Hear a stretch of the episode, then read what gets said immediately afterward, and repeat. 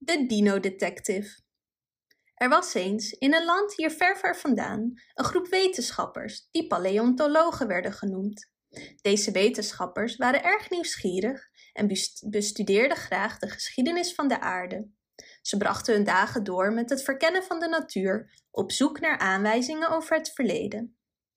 Op een dag maakte een paleontoloog genaamd Maria een trektocht door de bergen. Terwijl ze over het rotsachtige pad liep, zag ze iets vreemds uit de grond steken. Het was een groot, hobbelige bot. Maria was erg opgewonden. Ze wist dat dit een belangrijke ontdekking zou kunnen zijn. Ze riep snel haar vrienden en samen groeven ze het bot voorzichtig uit.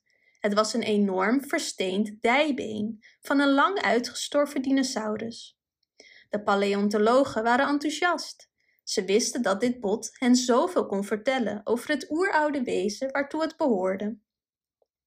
Maria was erg opgewonden. Ze had er altijd van gedroomd om een dinosaurusbot te vinden en nu was haar droom uitgekomen. De volgende dagen werkten de paleontologen hard om meer botten en stukken van het wezen bloot te leggen. Ze maakten ze allemaal zorgvuldig schoon en legden ze als een puzzel in elkaar. Het was een lang en moeilijk proces, maar ze waren vastbesloten om zoveel mogelijk te leren.